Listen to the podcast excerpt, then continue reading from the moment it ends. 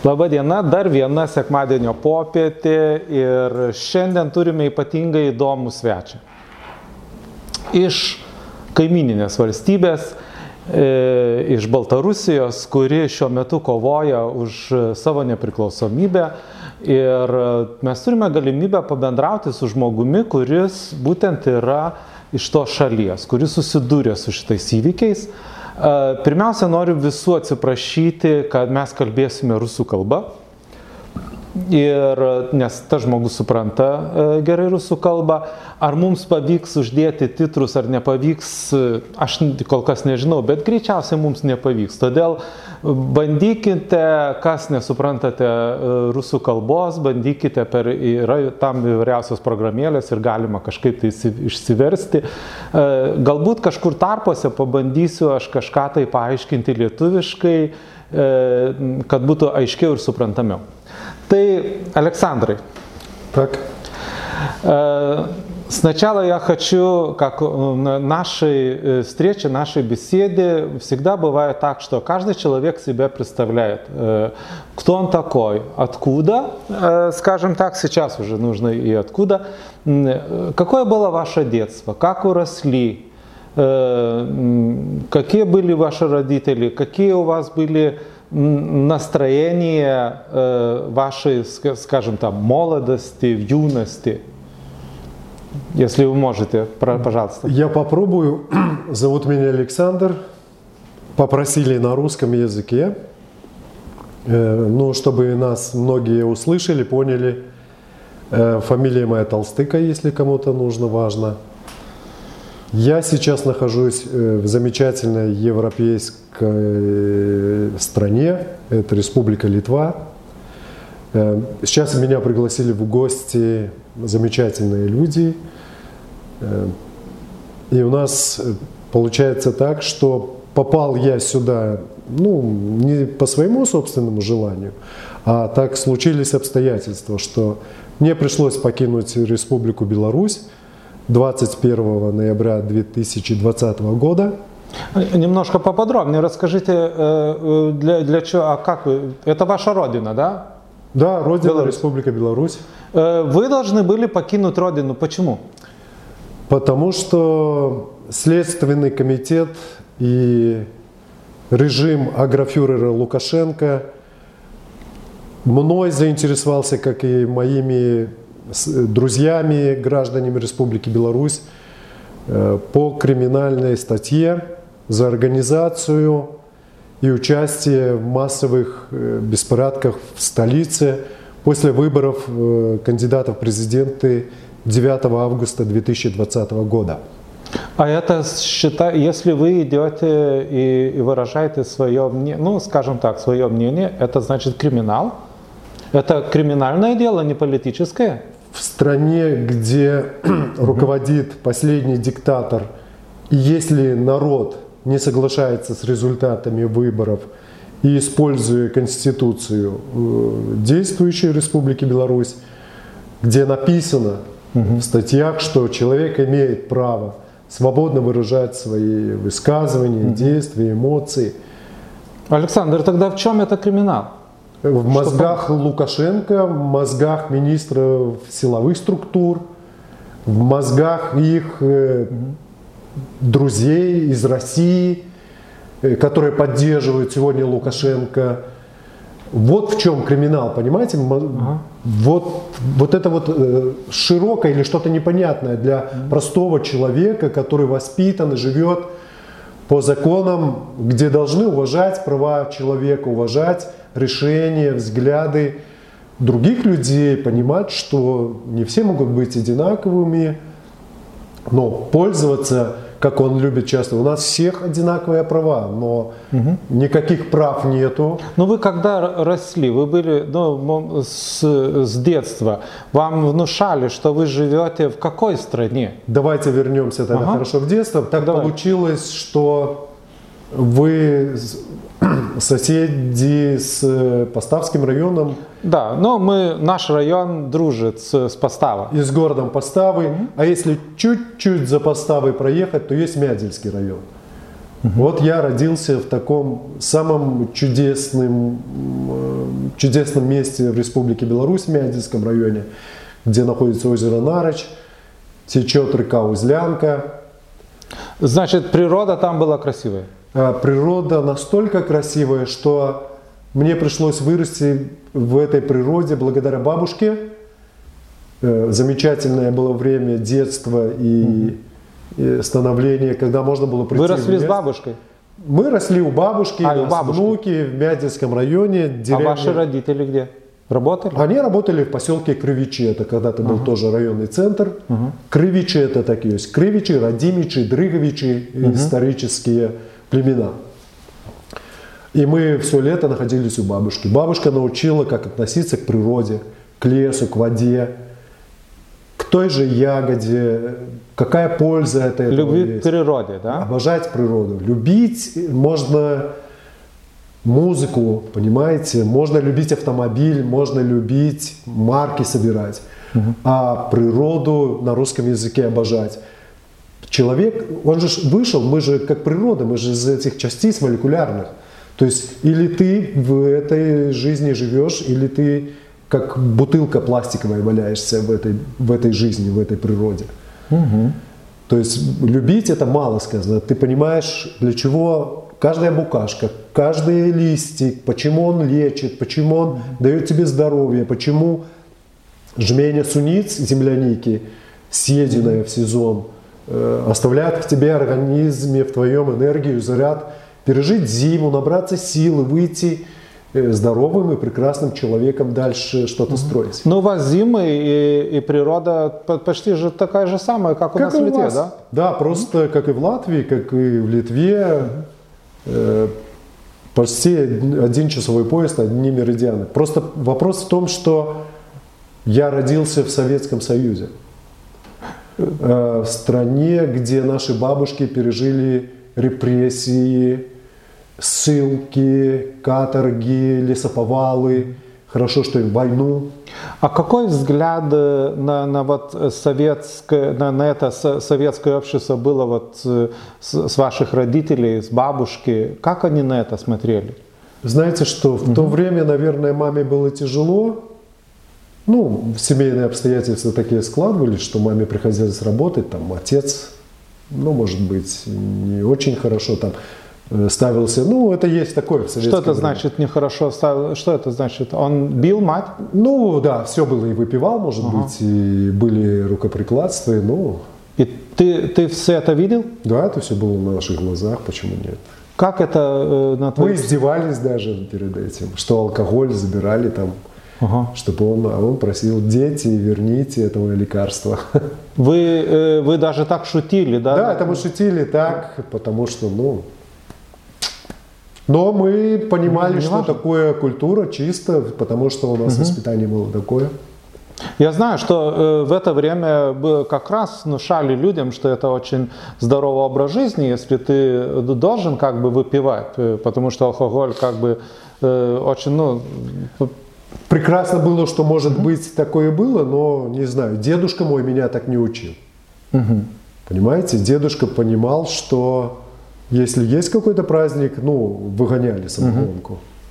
Ну, как гонится самогонка, что это за ритуал, как нужно это было поднести, то есть это была культура питья, ну, если так говорить на русском языке. Они запойные, как я смеюсь, в городе Минске, Пусть не обижаются все работники Минского тракторного завода, но мы вас называли гарнисты. Когда вы выходите с проходной, покупаете бутылку чернила, и когда вы стоите с бутылкой чернила во рту, то нас ну, называют так гарнисты. То есть белорусы стали... Значит, такая культура была, что э, употреблять алкоголь это, это как бы такая мода, что не, не обязательно по празднику, но это хорошо. Нет, может быть нехорошо, может быть просто из потребительского, потребительских товаров на то время, осозная, осознавая сегодня мозгами, это единственное, что было легко доступное и всегда находилось в реализации.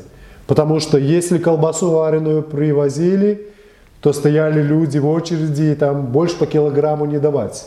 Память, помните, да, наверное, такое? Да. Или там куски масла делили, там, или из бидона молоко разливали. А спиртного сколько угодно? А спиртного, пожалуйста, сколько угодно. А, а как вот, э, э, как, если мы смотрим с, вот сейчас с таким взглядом да, на это, это, как ты думаешь, это специально было, чтобы у наши умы были немножко э, ну, сдвинуты с алкоголем? Или, или просто бизнес такой, или производители это, это думали, что это хорошо? колбасы не умели много сделать, а вот э, водка как бы и спиртное все шло. Как ну, ты сейчас но водка думаешь? было дорого, а вот именно местное угу. чернила, местное вино, хотя если взять сегодня качество брать Иловского угу. винзавода, угу. не хочу рекламировать его предприятие, то тогда качество сырья было получше все-таки, больше было натурального, чем химия. Это сейчас угу. научились химии, чтобы быстрее процессы эти все проходили. Э, значит, э, фундамент вашего воспитания был такой более-менее советский, да? Советские это и в школе. Угу. А вот в школе, мы... а как, э, как на это реагировала сама школа, учителя? А как? Они, все, они интерес... все такие были одинаковые. Ну как? Ну ага. вот проходит футбольный матч на стадионе, там первенство района между да. организациями, колхозами и все. Угу. Кто бы не был победителем, мешки с променным, лучистым, плодово-ягодным. Но я знаю это хорошо, потому что для нас это было золотое дно, собрать бутылки и сдать их потом. Угу. И были деньги. Э, и все пили, или ты работаешь лесником, или ты там прорабом предприятия завода металлоконструкций, или ты там э, в милиции работаешь участковым, за мядельскую команду там играешь. Ну, Пили все чернила, это считалось, ну, нормально, ну, пусть пьют. И какая премия? Ну, какая премия? Ну, вот вина им. Вот такая премия. Ну. Так это какое-то время было, что было такое, о, выросли, а вокруг все люди, они пили? Но... А кто был трезвый? Учителя хотя бы были трезвыми. Знаете что, некоторые ага. учителя приходили тоже пьяные. На уроки? На уроки, почему нет? А врачи тоже, ну это я буду говорить ага, за свой поселок. Нет, нет, я, я но некоторые просто... врачи, я не буду называть фамилии, но ага. кто с кровичей там, Можете, можете меня. называть, фамилии нету проблем тут у нас. А... Мы никому не скажем. Ну тогда, понимаете, ага. как, ну, а какие ваши доказательства? Угу. Но те, кто меня знает, посмотрят, скажут, ну да, ну да. Угу. Что и врачи выпивали, и больничные давали там за чекушку там или что. Но, наверное, я не знаю сейчас, как такая практика, ну, как такой... Ну, и, и что... Э... Вот было, да, mm был, было два мира. То есть один мир в семье, uh-huh. что хотелось э, внимания, uh-huh. Э, маме нужно было работать, э, нужно и обстирывать было, и помыть нас, там, я не знаю, зимой там или что. Отцу нужно было пить, скажем, да? Ну, а отец бабушка, мог бабушка... выпивать. Когда он был трезвый, он был, конечно, золотой отец и думал про детей, и в лес водить мог, там, и сделать, сварить э, сварщиком был замечательным угу. своими руками. И санки, если невозможно было купить. Ну вот вы, вы рос, э, в таком в обществе, да, э, вырос ребенок. Мы сейчас очень оберегаем наших детей, чтобы они не видели пьянствующих. Э, э, отбираются из семей, которые, если, если так делают, да, потому что ребенок не может расти э, э, в таких обстоятельствах. Ну, вы э, выросли, кончили школу, вы никогда не думали, что откуда у вас появились вот эти мысли, что что-то у нас в стране не так? Или нет? Или, или, или как-то Вы понимаете, как еще... это пришло? Ну хорошо, я mm-hmm. вам расскажу. Первая мысль в школе была, что в стране что-то не так, когда ага. мы сдавали экзамен, э, экзамены, писали диктовку народной mm-hmm. мове. Если ну, твои родители там не, не директора, не руководящие посты, то тебе и так сойдет, даже если ты знаешь. Ну и, конечно, мы видели, кому-то оценку завышали, кому-то занижали. По, э, по предмету, да, по знаниям, по незнаниям. Угу. Сейчас это все есть в управлении, в этих кадрах, угу. что э, человек учился на двойке, угу. два года младше, писать не умел или чуть-чуть умел писать, потом угу. возвращается из армии или что, через какого-то друга забирают А армия это э, уже была белорусская? Белорусская, да, это уже белорусская. Я вам хочу рассказать про Виталика Бондаренко, который был начальником Первомайского, госавтоинспекции Первомайского района, потом стал или Советского, или Московского района. Со мной ходил в школу. Я говорю, Виталик, ну ты же, ну, ну ты читать еле-еле, ты читал, ну писать еле-еле, писал, хоть мама и преподаватель. Говорит, нет, так вот я, научи, я умел писать, и сегодняшний генерал Барсуков, который его крышевал, Потом он стал гаишником, ну знаете, это делает э, деньги. это значит крышевал, это значит как он э, как охраняет. Да, да, да, как вот, ну, привилегии. Это как протекция, Да, да, протекция. Что вот нужно его ставить, он писать умеет, мы вместе начинали, можно ему кредиты выдавать. А он будет дербанить тогда собранные штрафы с ГАИ, поднимать наверх, и все будем в мажоре. Так вот, что такие Виталики э, занимают руководящие посты и продвигают эту систему, а некоторые люди, которые получили высшее образование, экономические, ну, или ты служишь режиму, или ты никуда не попадаешь. Если ты хочешь получить высшее образование, ты должен э, там что э, у вас как, э, ка- что это значит служить режиму? У вас режим имеет какую-то партию? Как как это? Нет, смотрите, если вы получаете образование педагогическое, Да. и у вас нет денег, Да. то государство может дать тебе так называемый кредит, но ты потом должен отработать свои деньги. Но не просто ты приходишь и становишься учителем, Да. или агрономом, или служащим какой-то Значит, сферы. государство дает тебе деньги на, на обучение. Ну не государство, а мы, люди, скинулись в бюджет государства. Не Ну да, нужно не, путать, не, я что не государство это же мы. Чтобы люди понимали, не государство, а мы сами себе разрешаем кому-то использовать из бюджета нашей республики деньги на образование. Ну да, но это же решают же ваши власти, правда? Да, но это идет пропаганда властей, что мы даем, я вам дал, попросили дождь, дал дождь. Значит, э, вы видите, что вы платите налоги, да? Конечно, Ну, большие налоги. Большие, большие налоги. Штрафы, штрафы, фонды, налоги, штрафы, фонды. Да, это. И вот эти государственные деньги дается людям, которые хотят учиться, да, и им э, дает на учебу. Э, вот как вы говорите, а как, э, э, как за это они должны, как говорится, отблагодарить э, государство, э, которое собирает деньги, ну мы понимаем, Вот, как. интересный момент. Значит, ты поддерживаешь государственные структуры. Не политическая партия, но государственный профсоюз. То есть ты Э, обязан Значит, быть как у членом- вас нету партии, у вас есть э, э, государственных чиновников, имеют свои профсоюзы. Да, которые на всех предприятиях внедрены. Это как, э, как в Советском Союзе были политруки, да, которые смотрят. Да, а в профсоюзе нет, нет, это которые как бы заботятся о ваших условиях э, жизни, там путевки детям в санаторий. И, но санатории такие с- а, обмежеванные, окресленные, ограниченные. Ну, то есть все вот в таком вот советском. Бросили детей, хорошо постирали, хорошо не постирали, покушали, какие там котлеты, с мухами, без мух борщи. Вот все, ну, может быть и в Евросоюзе такое, я не знаю, но не кушал в столовой еще. При- Пригласят, попробую. попробую. Кушал участников, извините, все вкусно, все нравилось. А, Значит, э, у вас э, государство имеет свой, э, не партию, а имеет свой профсоюз, который... гражданскую организацию, гражданскую такую которая идеологиям государства, вот, и идеологиям одного человека, будем уже смело, Лукашенки, это Белая Русь.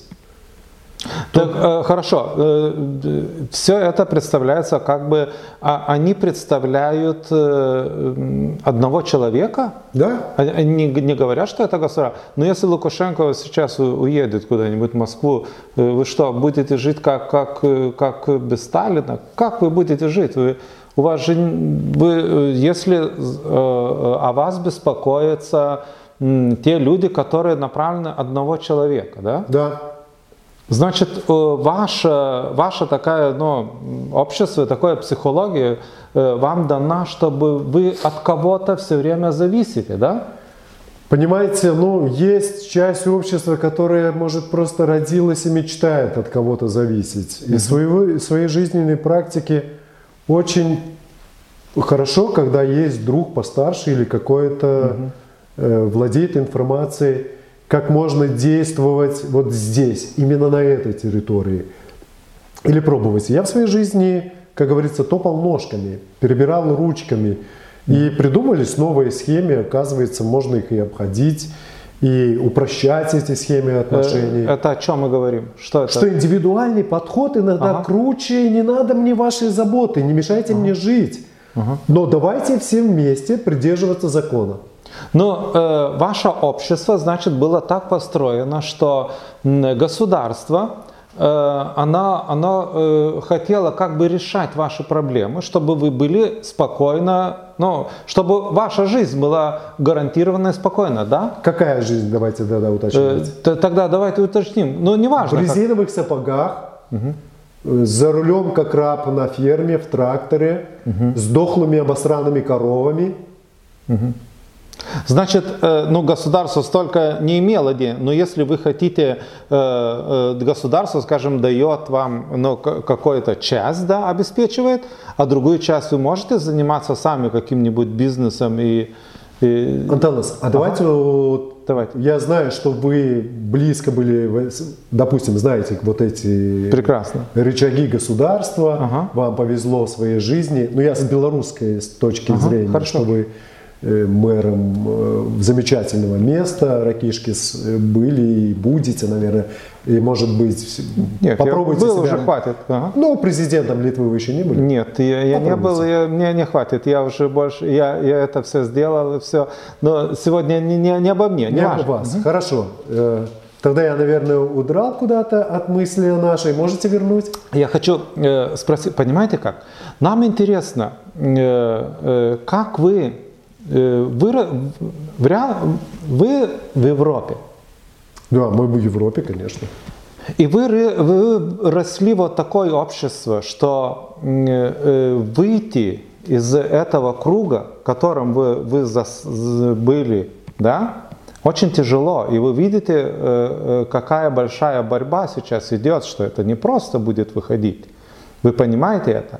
Это займет не один день, и я так думаю. Ток- Только мы сегодня хотим понять, э, как вы выросли, как вы жили, и э, как э, вас воспитывало вот это общество, и откуда у вас появились эти мысли, что вы можете жить иначе. Хорошо, вернулись к теме замечательной.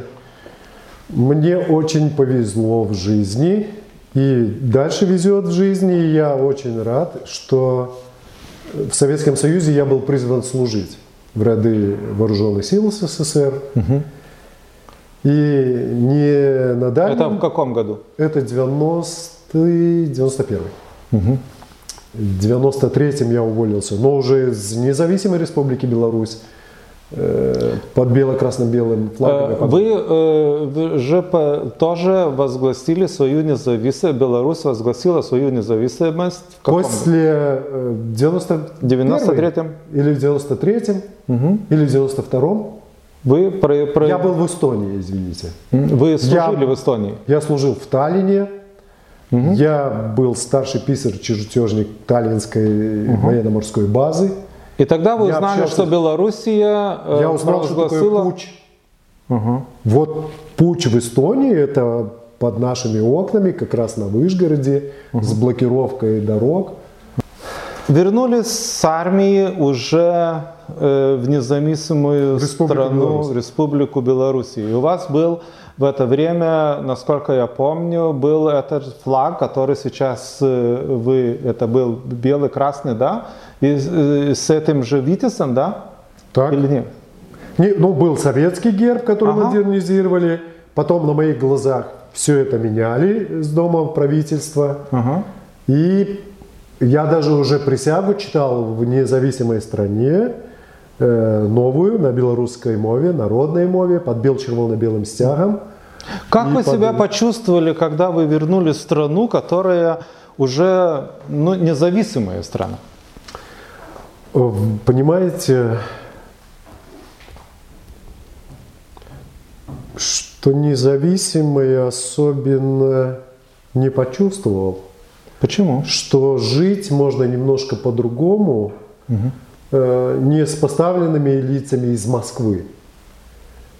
А, потому что из Кривичей был мой земляк, депутатом парламента 12 созыва, членом партии У вас Белорусского народа. э, появились выборы, да? Да, И вы начали выбирать власть с- со своего народа, да? да, со вот, вот.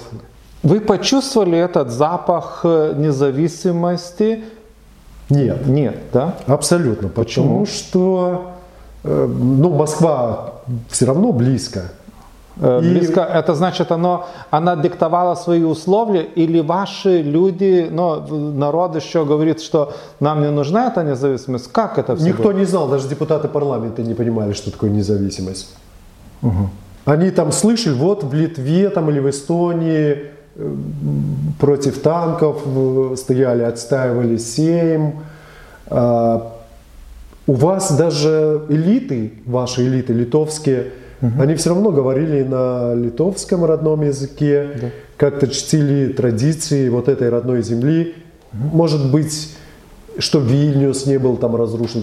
А у нас, вы поймите, что не было, не было независимости, еще раз буду говорить, потому что я мог анализировать, что так как и я возвращался из западной группы войск, также возвращалось много офицеров российских, казахстанских, украинцы быстро к себе уехали, а россияне, когда приехали сюда, они сказали, так тут есть и хлеб.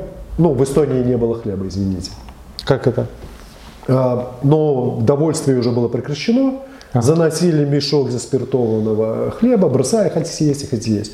И продуктового обеспечения не было. Нужно было продавать э, форму, там Hello Soviet, э, Army Souvenirs, Sailor. И 10 финских марок там стоил кожаный ремень, 30 шведских крон без козырка. И валютные магазины зато были. Вот там можно было купить яйцо, э, творог. Я знал, что такое с- стоять, э, видеть, что такое люди борются за независимость, понимал. А в Белоруссии одна э, власть поменялась на какую-то другую, все равно будут красть. И стратегия и мысль народа была права, сейчас я это осознаю, что как только стало независимым государством и парламент взял полномочия принимать законы, почему-то все силовые структуры сразу придумали себе какие-то фантастические пенсии. Хотя они еще ничего не оберегали, ни за что не э, сражались, никого там не сажали. Какие-то льготы напридумывали сразу же себе все силовые структуры. И все русские офицеры, российские, Никто в Россию почти не вернулся, потому что не знали, как это. Я из Германии с Deutsche марками или из Эстонии с, загнавший медь, там латунь, цветные металлы, ртути, вывезший там какой-то мог остаться на территории белорусской группы войск. Ему предлагали вот эти вот русские офицеры, российские, родили потом детей русскоязычных, захватили все власть в, органах МВД. Но власть вы же уже были свободны, вы власть уже вы выбирали. Или уже сразу были как, как-нибудь, э, но это, но фальшивые эти Это- выборы да, да, с, само- это самого было- начала? То есть как-то вот первых депутатов избрали в парламент, Ага. но что делать с этим парламентом? Они же курсы лекций никто им не читал. Вот как закомандует КГБ, там Шишкевич, допустим, он же в КГБ служил. Э, Что, кто это такой был? Это был первый премьер-министр Республики Беларусь, считается исполняющий обязанности президента. Это А потом он уже на самом деле был, э, э, служил в, России. Нет, нет, он жил в Беларуси, но э, я не знаю, кого там американского, что книга написана была. Но, Но это был ваш Ну, местный КГБ? Как? но это люди были из КГБ, Ага. которые поддерживали КГБ, которых КГБ при... поддерживал, ну и следил за ним. Но это КГБ раньше было же Советского Союза, да? Да, оно и А сейчас осталось ста- Советского Союза. А что изменилось? А, а не стало это белорусское, ваше, чтобы за- защищать ваше государство от... э, Нет, не стало, потому что где вы, КГБ белорусская, незалежная, независимая, которая сейчас не защищает свой народ? Чем молчите? КГБ белорусская, в какую камеру говорить?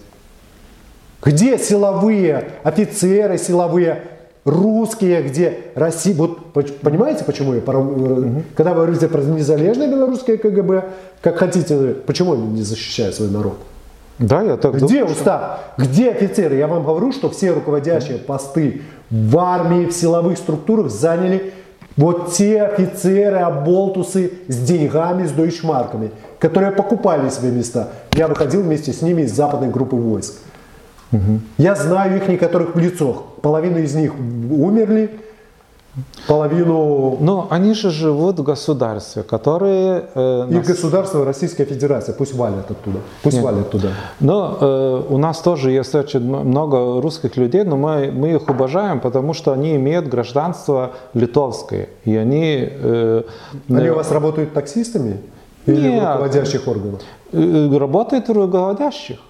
Мы их уважаем, потому что это граждане нашей страны, и они любят нашу страну. Отлично, но если мы возьмем позицию, что это граждане, Да. правильно? То есть они исполняют А у вас же закон, гражданство тоже они имеют же белорусское, да? но они подчиняются закону, даже в силовых структурах. Они не избивают вас, не убивают вас, не забирают ваших детей. Так силовые вот эти офицеры МВД, граждане какой они страны, если они не выполняют законы, конституцию? Почему же они своих, даже Караев, Осетин, бывший министр, он даже их обозвал, вы тупые. Ну, мы шутим между собой, что, ну, это он обозвал тех русских офицеров, российских офицеров, которые в 93-92 годах выходили из западной группы войск. И это может быть их дети.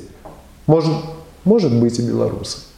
А так, э, э, ну, скажем, ваши это силовые структуры, но они же тоже такие же люди, они вы- выросли в этой же стране, и они направлено это их э, гнев Я понял на свой народ. Понимаете, ну это же... А, расскажу, вот мы Почему? вернемся к этим государственным структурам, Да. НЖ э, профсоюзам.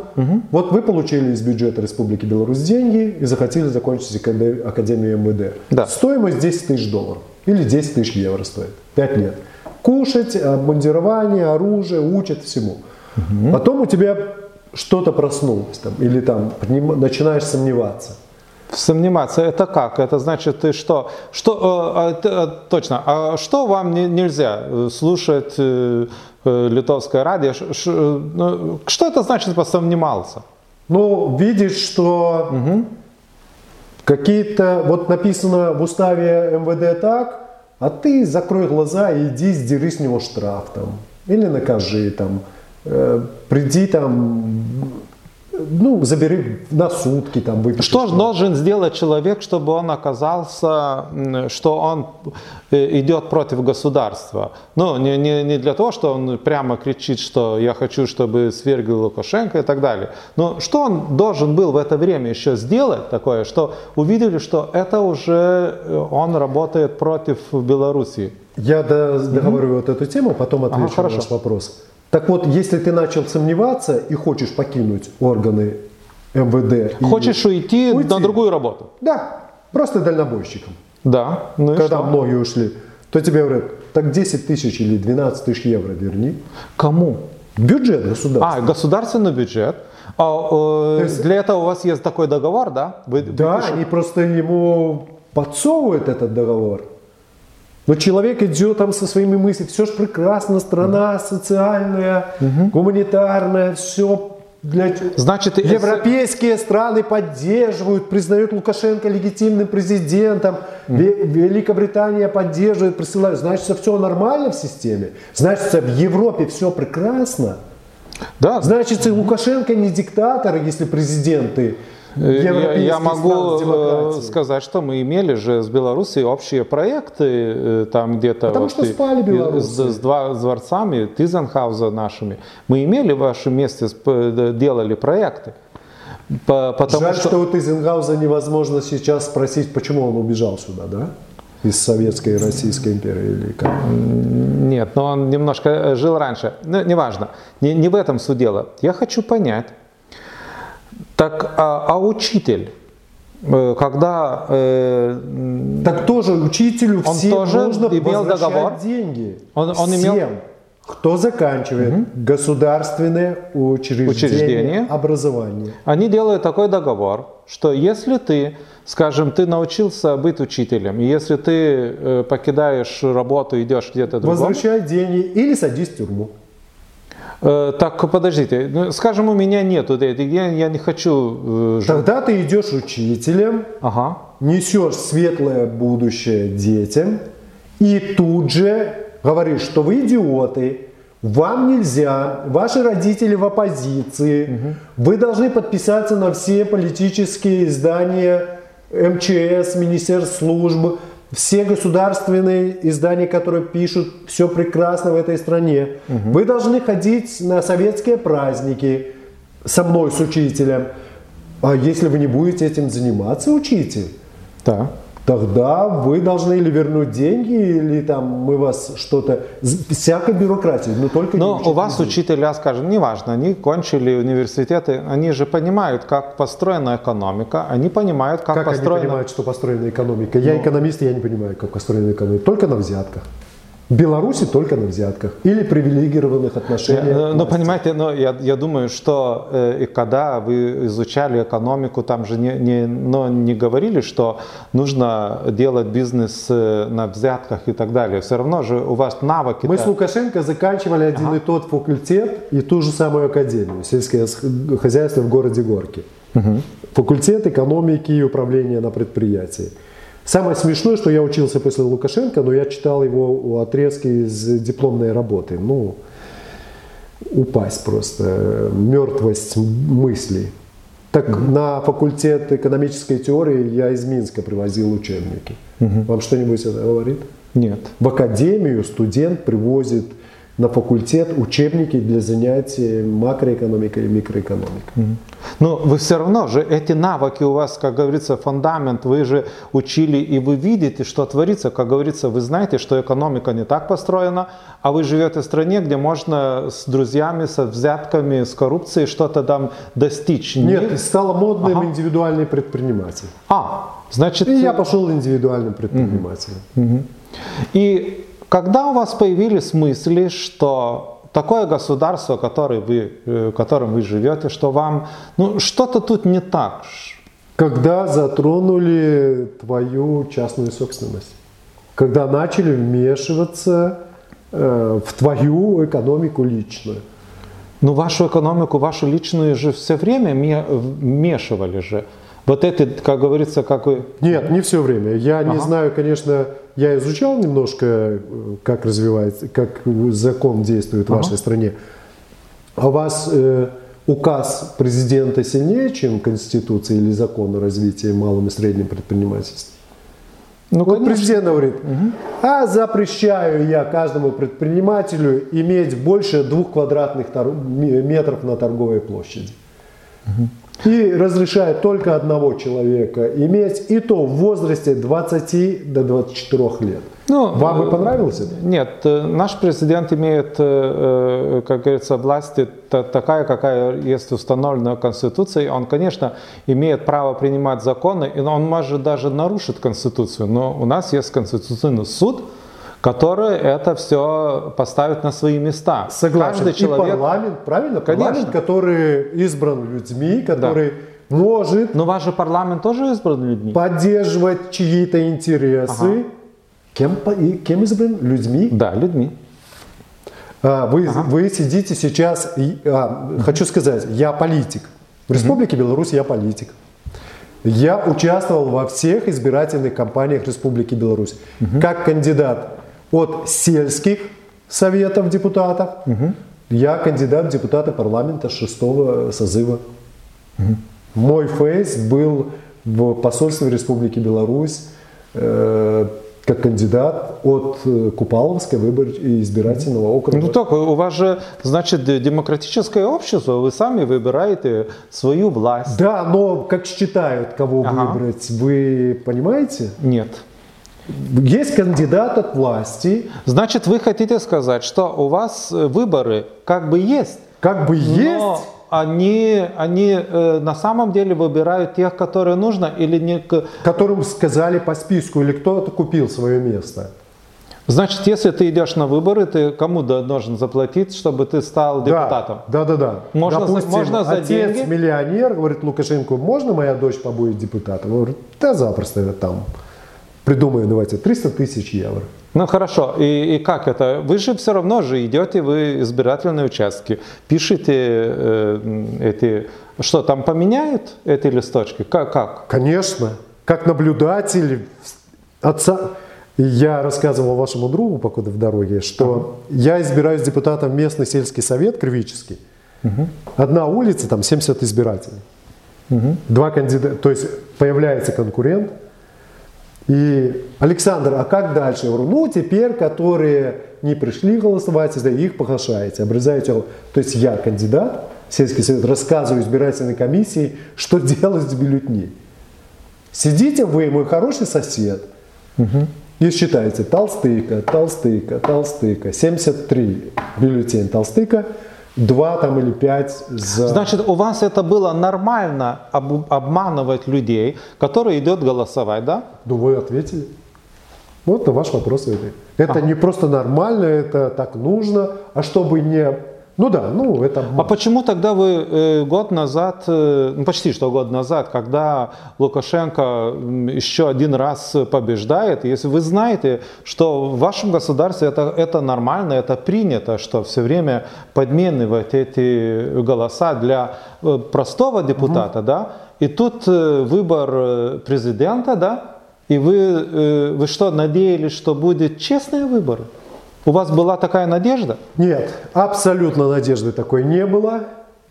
Мы знали, что будет фальсификация, но люди что-то хотели поменять. То есть люди даже шли на выборы против Лукашенко. Против вот этого вот, вот все надоело. И когда первый раз в своей жизни, когда я, меня вынесли как наблюдателя из избирательного... Вы были наблюдателем, когда были эти выборы? Да, конечно, и считал, и мои дети. Мы ночью готовили новые документы на новых наблюдателей, потому что в субботу, после дотерминовых, э, как это, Ясно. когда выборы э, предварительные закончились, Ага. в воскресенье основной день, 24 года, 25, все, команда есть, ты уже с опытом, подсказываем, выходим за территорию, завтра в 6 утра идем на избирательный участок, все, готовы, выспаться, подготовиться, ручки, что все писать, будем считать. Ага. Но Через вы знали, полчаса- когда народ уже шел, вы же Через заранее- полчаса уже наблюдателей не было, их посадили в тюрьму. Наблюдателей? Наблюдатели, мы только вышли, уже завтра некому наблюдать. Понимаете ситуацию? Это во время выборов э, 9 начались репрессии даже Да. перед, Да, перед тем, чтобы перед подсчитать. основным днем. А это из-за чего? Из-за того, что знали, что люди уже договорились голосовать против... э, Ну, конечно, там же работают не дураки, аналитики, они что-то докладывают, а дальше уже идет или паническая атака, вот так и делаются ошибки. Просто ты и на завтра был не у, упевненный, у, уверенным в себе, что кто-то придет на участок. Ну вы, вы голо- голо- когда ты идешь голосовать, вы же голосовали, как говорится, против Лукашенко, но за кого? Э, э, Расскажу. Из всех кандидатов была впервые интересная система, что мы не только писали палочки, сколько пришло, а люди и пенсиону, и сеньоры, и сеньоры вообще уже в годах, и молодые люди, и я прошу прощения, Ничего. я начинаю волноваться. И это я заметил после тюрьмы, А вас тогда арестовали? Меня арестовали 14 октября, но те издевательства, что я пережил, это сейчас влияет. А вас за что арестовали? Что вы были наблюдатель?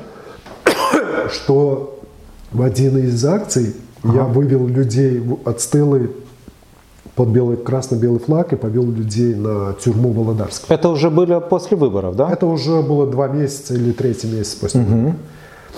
А потом уже в тюрьме добавляются протоколы и за 2 сентября, и за 21 августа. Это за то, что э, ты... Что выходил, был в цепи солидарности, организовывал. Хорошо, этот а- арест. э, э, Вы вышли на, улицу э, с флагом. Э, Как э, вас арестовали на улице или к вам пришли домой? Я выходил на работу, вышел с подъезда, и я понял, что-то не то. Как вы поняли? Это ностальгия. Меня когда забирают, арестовывают, ну, знают, что я такой человек, который может постоять за себя.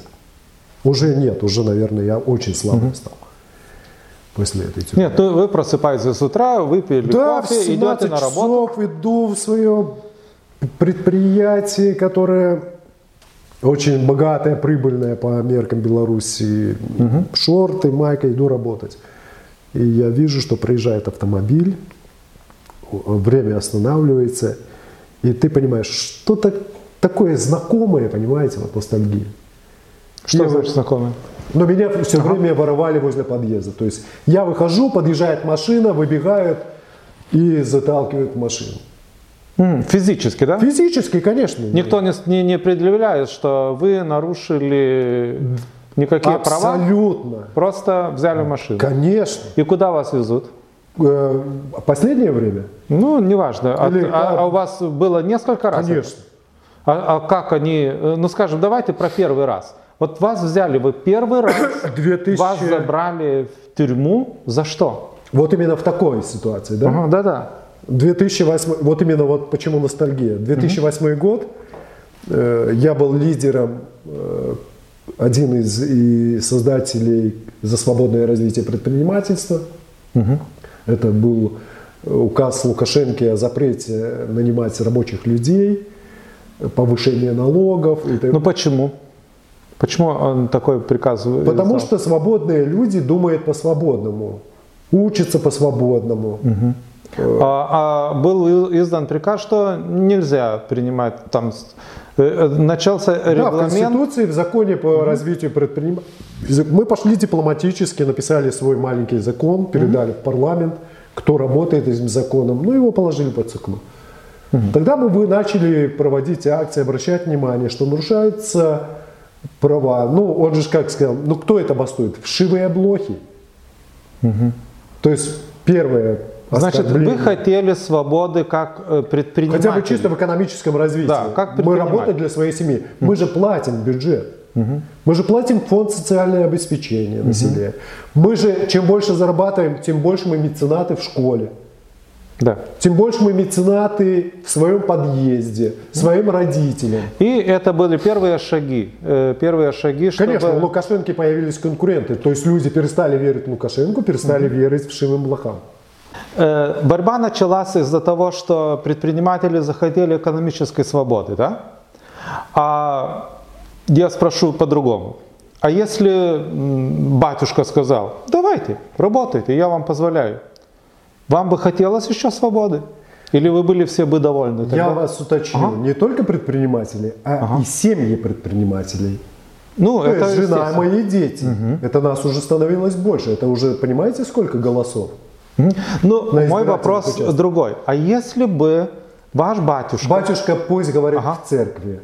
А, ну, неважно. У него Э, ограниченное Будем называть тогда президентом. А президент посмотрел и Да. говорит, хорошо, я вам позволяю, э, позволяю там, скажем, экономически развиваться столько, сколько вы хотите. И тогда вам бы, ваш президент был бы все нормально? Понял ваш вопрос. Ага. Смотрите, когда вот начались вот эти экономические свободы, Ага. мы понимать, что нужно, то ну, за свободу какие-то появлялись лидеры по ситуации, по времени, по вот, вот этим действиям, этим последствиям, да, вот этих указов. Когда ты себя чувствуешь, что у тебя что-то получилось, люди, тебе кто-то со стороны подскажет, ну, что это уже политика, что и бизнес в политике, почему бы и не попробовать быть политиком? Угу. И думаешь, ну, может быть, если люди обращаются и называют тебя там, вот наш президент Александр, угу. ну это как издевательство, вот он говорит правильно. Александр, это Лукашенко, Это да? я про себя. А. Угу. То есть меня называли на Ждановичах, вот наш президент. Угу. Мы ему верим, доверяем, вот он решает наши вопросы на рынке по аренде, по угу. выплатам, как выступать, что требовать, кого посылать с рынка. Угу до военных конфликтов, понимаете, что там приезжали с автоматами, отжимали у одних бизнес, вечером садились, решали, ты что мой бизнес отжал, mm-hmm. потом возвращали, или как силовые органы, mm-hmm. контра, конфискат, или как это хотите, контрабас, контрабас. Mm-hmm. Контрфактная продукция идет через белорусскую границу, они потом приносят на Ждановичи там, ну, ну, Александр, это все экономика, да?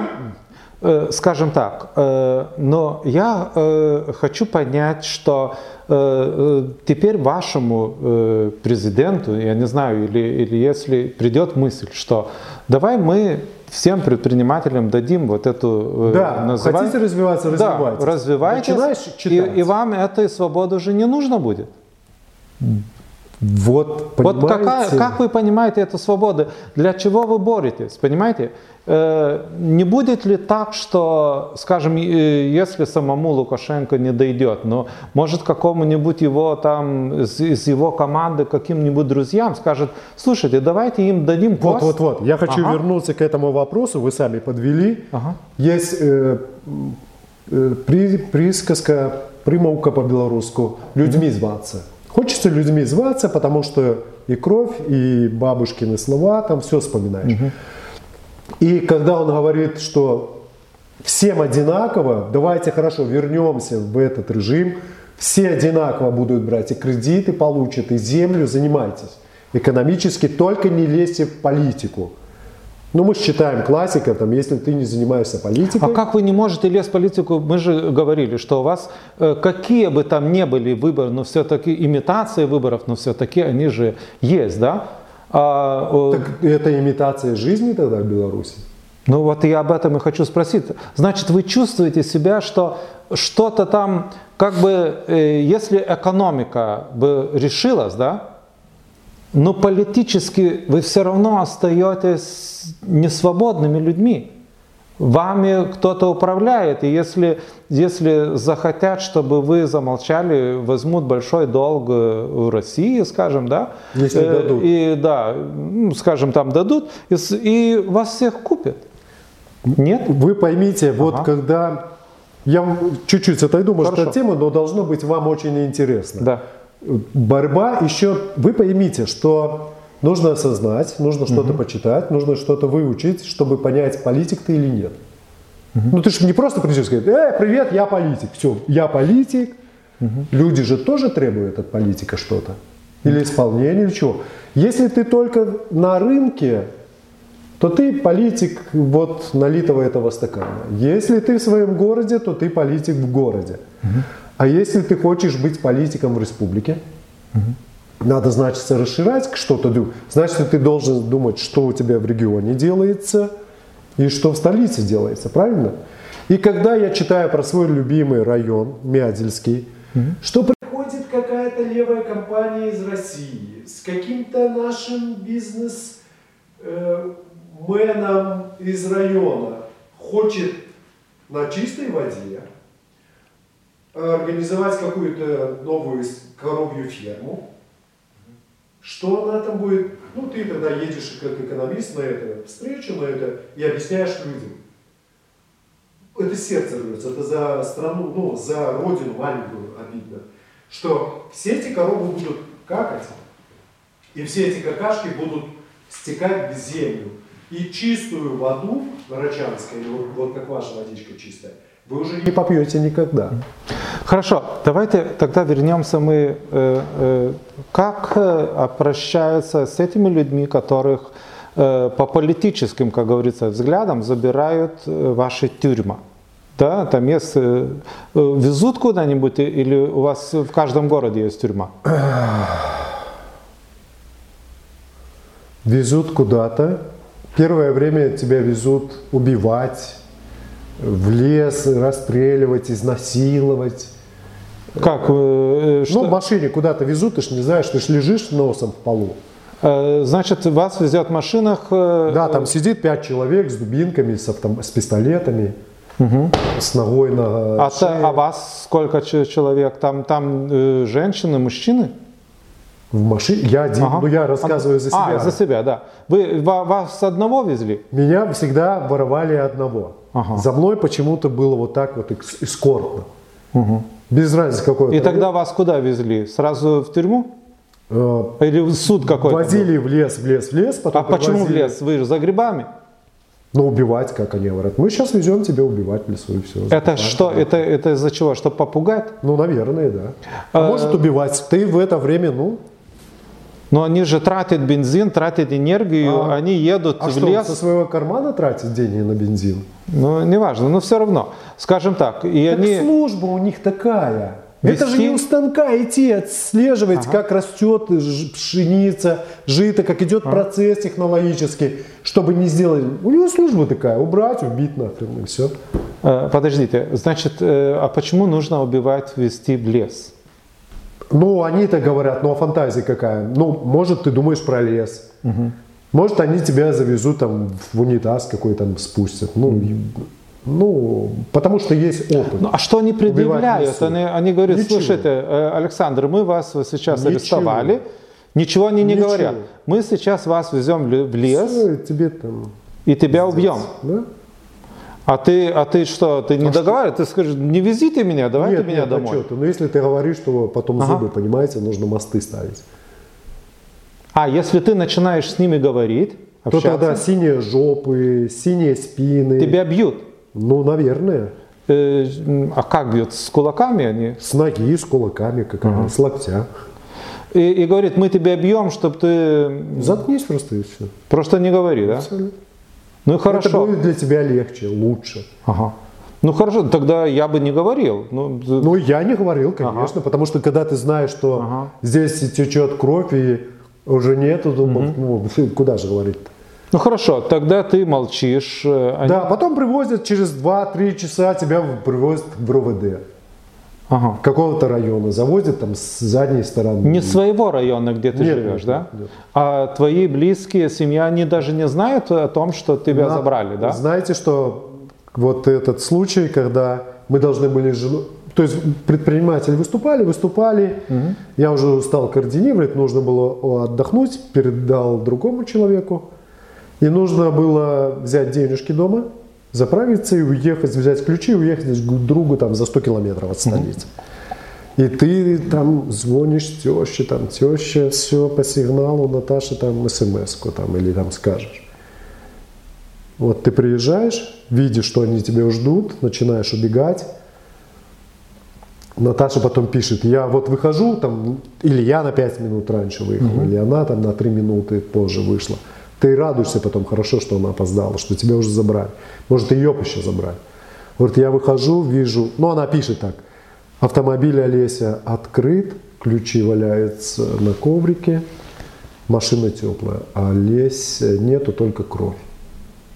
И вот следы, ну вот то место, где мы должны были встретиться. Ну и что? И где Олесь, никто не знает. Хорошо, вы э, были, э, вы это, это т- в тюрьме, э, там избивают. Я все равно не, не, не, не понимаю. Э, вас заставляют любить Лукашенко. Что они говорят? Тебе говорят, Нет. ты не говори. Мне Но все равно людям- бывает же какой-нибудь следователь, который э, Чего? позвал тебя, ну, Чего? ну Как? Ну, чтобы как объяснить, для чего задержали. Что? Может, еще и судья бывает, который тебе объясняет? Ну, должны были быть, но, но потому что, как, это солдаты, это которые вас забирают, или милиция, это они же э, делают какую-то функцию или какой-то приказ, который приказали вас забрать, да? И так я, как приказал, скажем, вас забрать, да? Я понимаете, что... Но вы сейчас рассуждаете просто из европейской Нет, страны, нет, я, я э, рассуждаю как человек. Если я приказал вас забрать, я привел ко мне так я говорю, я забрал его. Да, вот Говорит, передаю ну, тебе в руки. Пожалуйста, говорите с ним. И да, что? был у меня такой случай ага. тогда в 2008 году, что привезли так, и начальник РУВД говорит, о, давай там, матом ругался, накидай. Говорит, да нет. Мне, у меня такой команды не было. У меня была команда задержать, мы его задержали, вам привезли, а вы как хотите. Потому что это район, где ну, были мои выступления. И все, говорит, ничего, там, давай исполняй. Говорит, иди ты, ну, то есть уже тогда начиналось, что у меня есть свое начальство. Это я своему начальству. Э, Александр, так значит, у вас есть какие-то, я думаю, что у власти есть какие-то списки этих тех людей, которые э, недовольны властью, да? Конечно. Я ребенка привожу в школу, новый директор приглашает угу. и говорит, Александр, нормальный директор, хотя бы угу. работал в избирательной комиссии, компании Лукашенко когда-то. Угу Алексей Городович, вот такой человек. Говорит, Александр, посмотри, вот это вот папочка, где э, родители или оппозиции, или образованные жестко ставят свою позицию. Говорит, ну я думаю, мы с вами язык общий найдем, если у нас школа будет общим домом. И мы находили язык. Хорошо. Э, борьба за независимость. И этих людей, которые, как говорится, ведут, э, выходят с флагами, вас ловят, э, как вы думаете, вот как сейчас ваша победа близка, возможно или нет? Или Лукашенко перестроит там свои э, как-нибудь э, свои эти структуры, вместо себя посадит какого-нибудь другого Лукашенко, вы придете на свободные как бы выборы, да? Но сегодня у вас есть какой-нибудь, какая-нибудь идея, лидер? Вот что вы думаете сейчас? Наверное, скажу ага. что-то непонятное для наших зрителей, может быть, для вас. Угу. Мы с вами были в одном государстве во время СССР да. и пережили другую, Вторую мировую войну. Угу. Мы же с вами образованные люди, люди сейчас открытая информация, источники. Мы бы смогли победить даже вот такой огромной страной вот тот фашизм, ту обученную, выдрессированную машину, машину угу. ненависти там или уничтожения, да? Если бы не было проекта Ленд-Лиз, да, или как он там называется, помощи, угу. из Соединенных Штатов Америки, из, из Британии, наверное, может быть, из Франции, ну, откуда угодно, может быть, и не Японии, там, ну, из других государств. Это э, кто помогает? Да, это кто помогал СССР, угу. вот угу. Красной армии победить. Кто позже, кто это раньше. Второй мировой войне. Во Второй мировой войне. Угу. Как вы думаете? Ну, я не знаю, я, наверное... Но фронтов было много, правильно? И где-то да. к финишу приходили совместными усилиями, там, угу. многове. Конечно. Значит, даже СССР, тогда уже перемодернизированной с такой экономикой, казалось бы, там фашистская угу. гадина, да? Было тяжело победить. Угу. Вы думаете, просто нам, европейцам, если мы называем себя европейцами, угу. с общей историей, не Советского даже Союза, а еще, еще от Великого княжества угу. Литовского, от огульного герба, от общей иконы Остробрамской, так? Угу мы когда вот держались все тогда в этом вот кулаке э, территории Украины, Польши, наши с вами, угу. соседские земли, мы бы могли отстоять и Московию, может быть и шведов, может быть и тех же крестоносцев, как, ну там пишут. Да. Сейчас вы думаете, нам будет легко, если мы одни. Угу. Ведь проснулась и Европа, проснулась тем и другие государства, что не признали mm уже. А как вы чувствуете диктатор. себя? Вы чувствуете, что вы одни, или вы чувствуете поддержку э, европейских государств? И да, даже, даже в самом э, советском, в России этой, вы знаете, что там тоже есть люди, люд- много людей, которые... Мы сейчас за Россию говорим или за Беларусь? Нет, я говорю... Не Бело- знаю в России, что, вот честно вам скажу, не знаю, уже 10 лет или больше уже. А вот как вы себя чувствуете? выезжать. Как вы чувствуете Белоруссии? Э, э, Поддерживает ваши вот эти э, Кукловоды из Европы, да? кукловоды? Ну, Лукашенко Нет. же говорит, эти кукловоды из Литвы, Польши. А. Вы же понимаете, э, почему Лукашенко истерил, когда я скажу смело, сработал мой проект «Балтийский путь-2». Только я писал президенту, что я бы хотел это видеть против Островецкой АЭС. А тут видите, как все перевернулось, и литовцы, и поляки, и латыши к границам вышли, а вы же все жители Евросоюза, и мужчины, и женщины, вы же являетесь э, членами НАТО так. и военнообязанными. То есть он вас испугался, Лукашенко, как бойцов НАТО, что вы подошли так близко к границе. Вы по-другому думаете, а мы думаем, а мы вам говорим, что вы были потенциальными противниками Э, Лукашенко. Вы, вы говорите о том, что когда мы, наши люди пришли э, с бело-красными флагами, ле- Цветочками бросали Да. из вертолетов, самолетов, да? Лукашенко вас воспринимал как бойцов НАТО, а не как солидарных. Поэтому он так и говорил. Ну, мы, э, я думаю, что э, и Лукашенко мы смотрим как, как на Белоруссию, и мы, мы живем и делаем так, как э, угодно нашей стране. Мы свободные люди. Мы имеем право жить и выступать, и смотреть, что происходит в соседней стране. Если, если там движение, демократическое движение, мы всегда поддержим. Если мы видим, что столько людей, ваших столько людей выходит на улицы, и они э, хотят свободы. И, м, сейчас приближается наш тоже День независимости, Да. потому что Поздравляю вас, он завтра, э, да, наверное? Завтра, да. Да. Мы Поздравляю несколько, мы несколько раз э, освобождали нашу страну, потому что э, э, не, не было это легко, и мы прекрасно это понимаем. Э, Но мы хотим понять и э, что все то, что у вас происходит, мы очень боимся того, чтобы вас кто-нибудь не обманул. Мы хотим вас поддержать на самом деле, да? И хотим показать, что, что, чем отличается свободный человек от этого человека, который, как вы говорите, мы выросли, родились еще э, в стране, которая принадлежала России. Она пр- просто назвала нас э, Советским Союзом и так далее, да? И, как я говорю, это у нас была, мы принадлежали, у нас была э, софт такая мягкая зависимость. И чтобы мы не понимали, что, э, что на- а наша страна оккупирована. Ваша же страна как бы оккупирована этими нацистами, которые издеваются над вашими же людьми, над белорусами.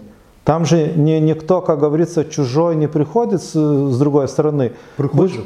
Приходит даже, да? Э, Но всеми руководит это все, все с России, да? Конечно, ханты-мансийские номера, мы это все записывали, снимали, пробивали. И значит, ваша борьба все время происходит не только против вашей власти, но и против э, той власти, режима, которая да, Путина. диктует все, да? Да, которая, может, не все диктует, может, даже учится что-то у диктатора, но поддерживает. И как вы думаете, сколько времени вам еще будет нужно э, так на, на праздник, на воскресеньях? И я знаю, что сейчас приближается лето, и я так уверен, что весной вы будете все люди, вы, вы более активные, да? Ну, Э, скорее всего, Что-нибудь будет такое? Что, э, у вас есть какая-нибудь идея? Вы поймите, что самое замечательное, что вы сказали, что вы себя чувствуете людьми.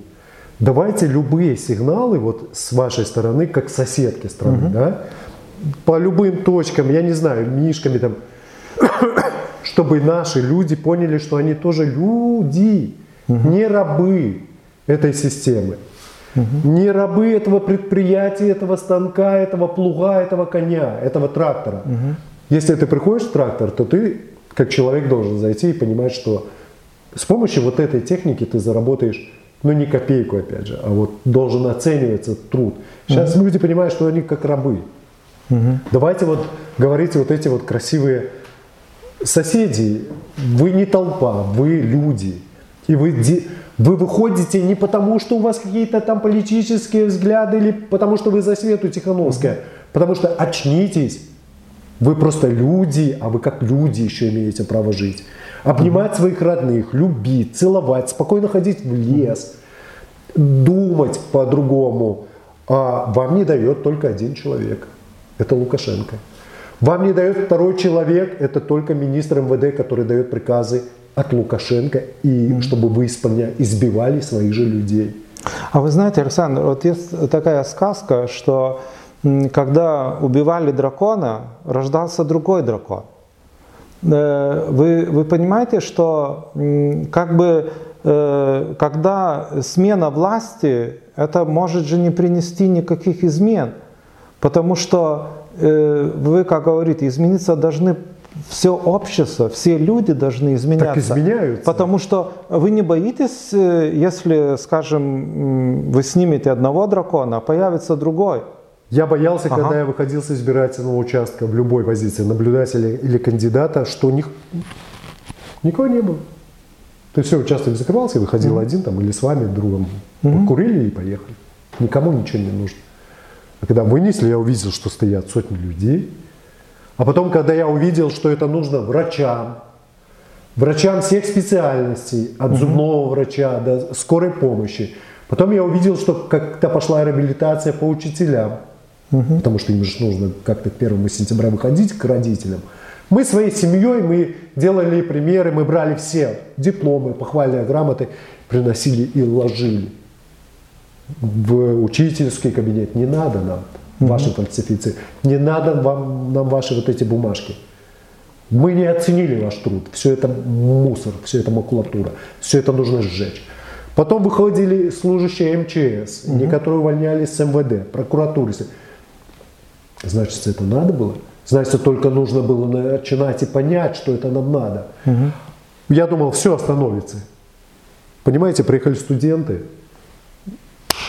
студенты, не один БГУ, который основной, и БНТУ, и это Трансмаш, и Мохмаш, и технологические, которые айтишников, айтишники. Сиди себе, зарабатывай бабки там, ну что, что оказалось? Нет. А как вы думаете, сколько это все будет продолжаться, эта ваша борьба? Я думаю, что с- не продолжаться. А, еще, извините, Ага, хорошо. мне очень повезло в жизни, наверное, что я не читал сказку про дракона. Какого-то вы говорите. Может быть и прекрасно, может это сказка именно для того времени. Ну не читал я сказку. Да, где-то что-то все вспоминают или там отсекаешь голову. Там, ну, а- Три новые выращиваю, когда Просто скажешь, пытай- э, вопрос в том, что моя бабушка рассказывала, что на нашей земле э, жили цмоки, э, драконы. И мы как-то э, дружили, как и с, и с чертом, но помогали. И есть сказка другая, что на драконе и землю орали, и приводили в благосостояние, и границы охраняли драконы. Все зависит от дракона. Вы правильно сказали, хорошо, если дракон это власть, но есть же драконы разные, есть и дракончики, которые хорошие. Не быть он и злой, как президент, может быть. Ну, не сжигает свой народ, не Я палит, вот, не э, ворует красавец, И я думаю, что а охраняет. я бы вам пожелал э, вашей стране, вашим людям, потому что я надеюсь, что вы сможете достичь того, чтобы у вас было свободное государство, и чтобы вы своих драконов начали выбирать сами. И потом, когда выберете их, чтобы стали их уважать. Да. Вот в этом самый смысл и самое главное, к чему идет демократия. Потому что нужно уважать и любить только тех, которых вы выбрали по-честному. И я думаю, что ваши шаги, которые вы сейчас идете, они правильные, и э, вы видите, что наша страна вас точно поддерживает, и э, мы, мы всегда будем, и были, и будем дружить с соседями, Главное, что ваше желание, желание видеть Беларусь свободной исполнилось. Если хотите, можете еще несколько слов. Да, несколько слов, потому что я обязан просто и как на правах гостя, и для всех э, жителей Литвы, замечательной страны, нашей соседки, для всех европейцев. Спасибо, что в 2020 году... 21 2020 году, а. 21 наступил попозже после Нового угу. года, вы стали действительно нашими соседями. Э, нам очень легко обращать, как вы живете в свободной, демократической стране. Поймите, что каждому по возможности, но никто в вашей стране не оставлен за бортами, за берегами. И вы имеете право активно участвовать в жизни и развитии не только своей страны, но у вас присутствуют и депутаты в Европарламенте, которые и подсказывают, как Европе жить, как развиваться. А мы, обращая внимание на вас, мы видим, что вы люди, вы красивые, вы прекрасные, что как соседи вы замечательные, поддерживаете нас. И как и мне лично, и моим коллегам, которые живут в Литве, дали притулиться по-белоруску, взяли к себе, обогрели нас, одели, кормите, помогаете заработать, да, даете возможность вот так еще открываться. Большое вам спасибо за это. И помните, и по, помните, пожалуйста, что незалежность и родной язык, родная мова обов'язково потрібні країні. І з надихаючим вас святом Днем Незалежності Литва, вольна і незалежна, і президента Литви віншую, і увесь ваш народ. Угу. Дякую велике. Taigi, ačiū labai visiems, kad mūsų klausėtės. Šiandien mūsų buvo įdomus svečias iš Baltarusijos. Linkime jiems kovos, kovos už nepriklausomybę, o paskui ją reikės išsaugoti. Sėkmės.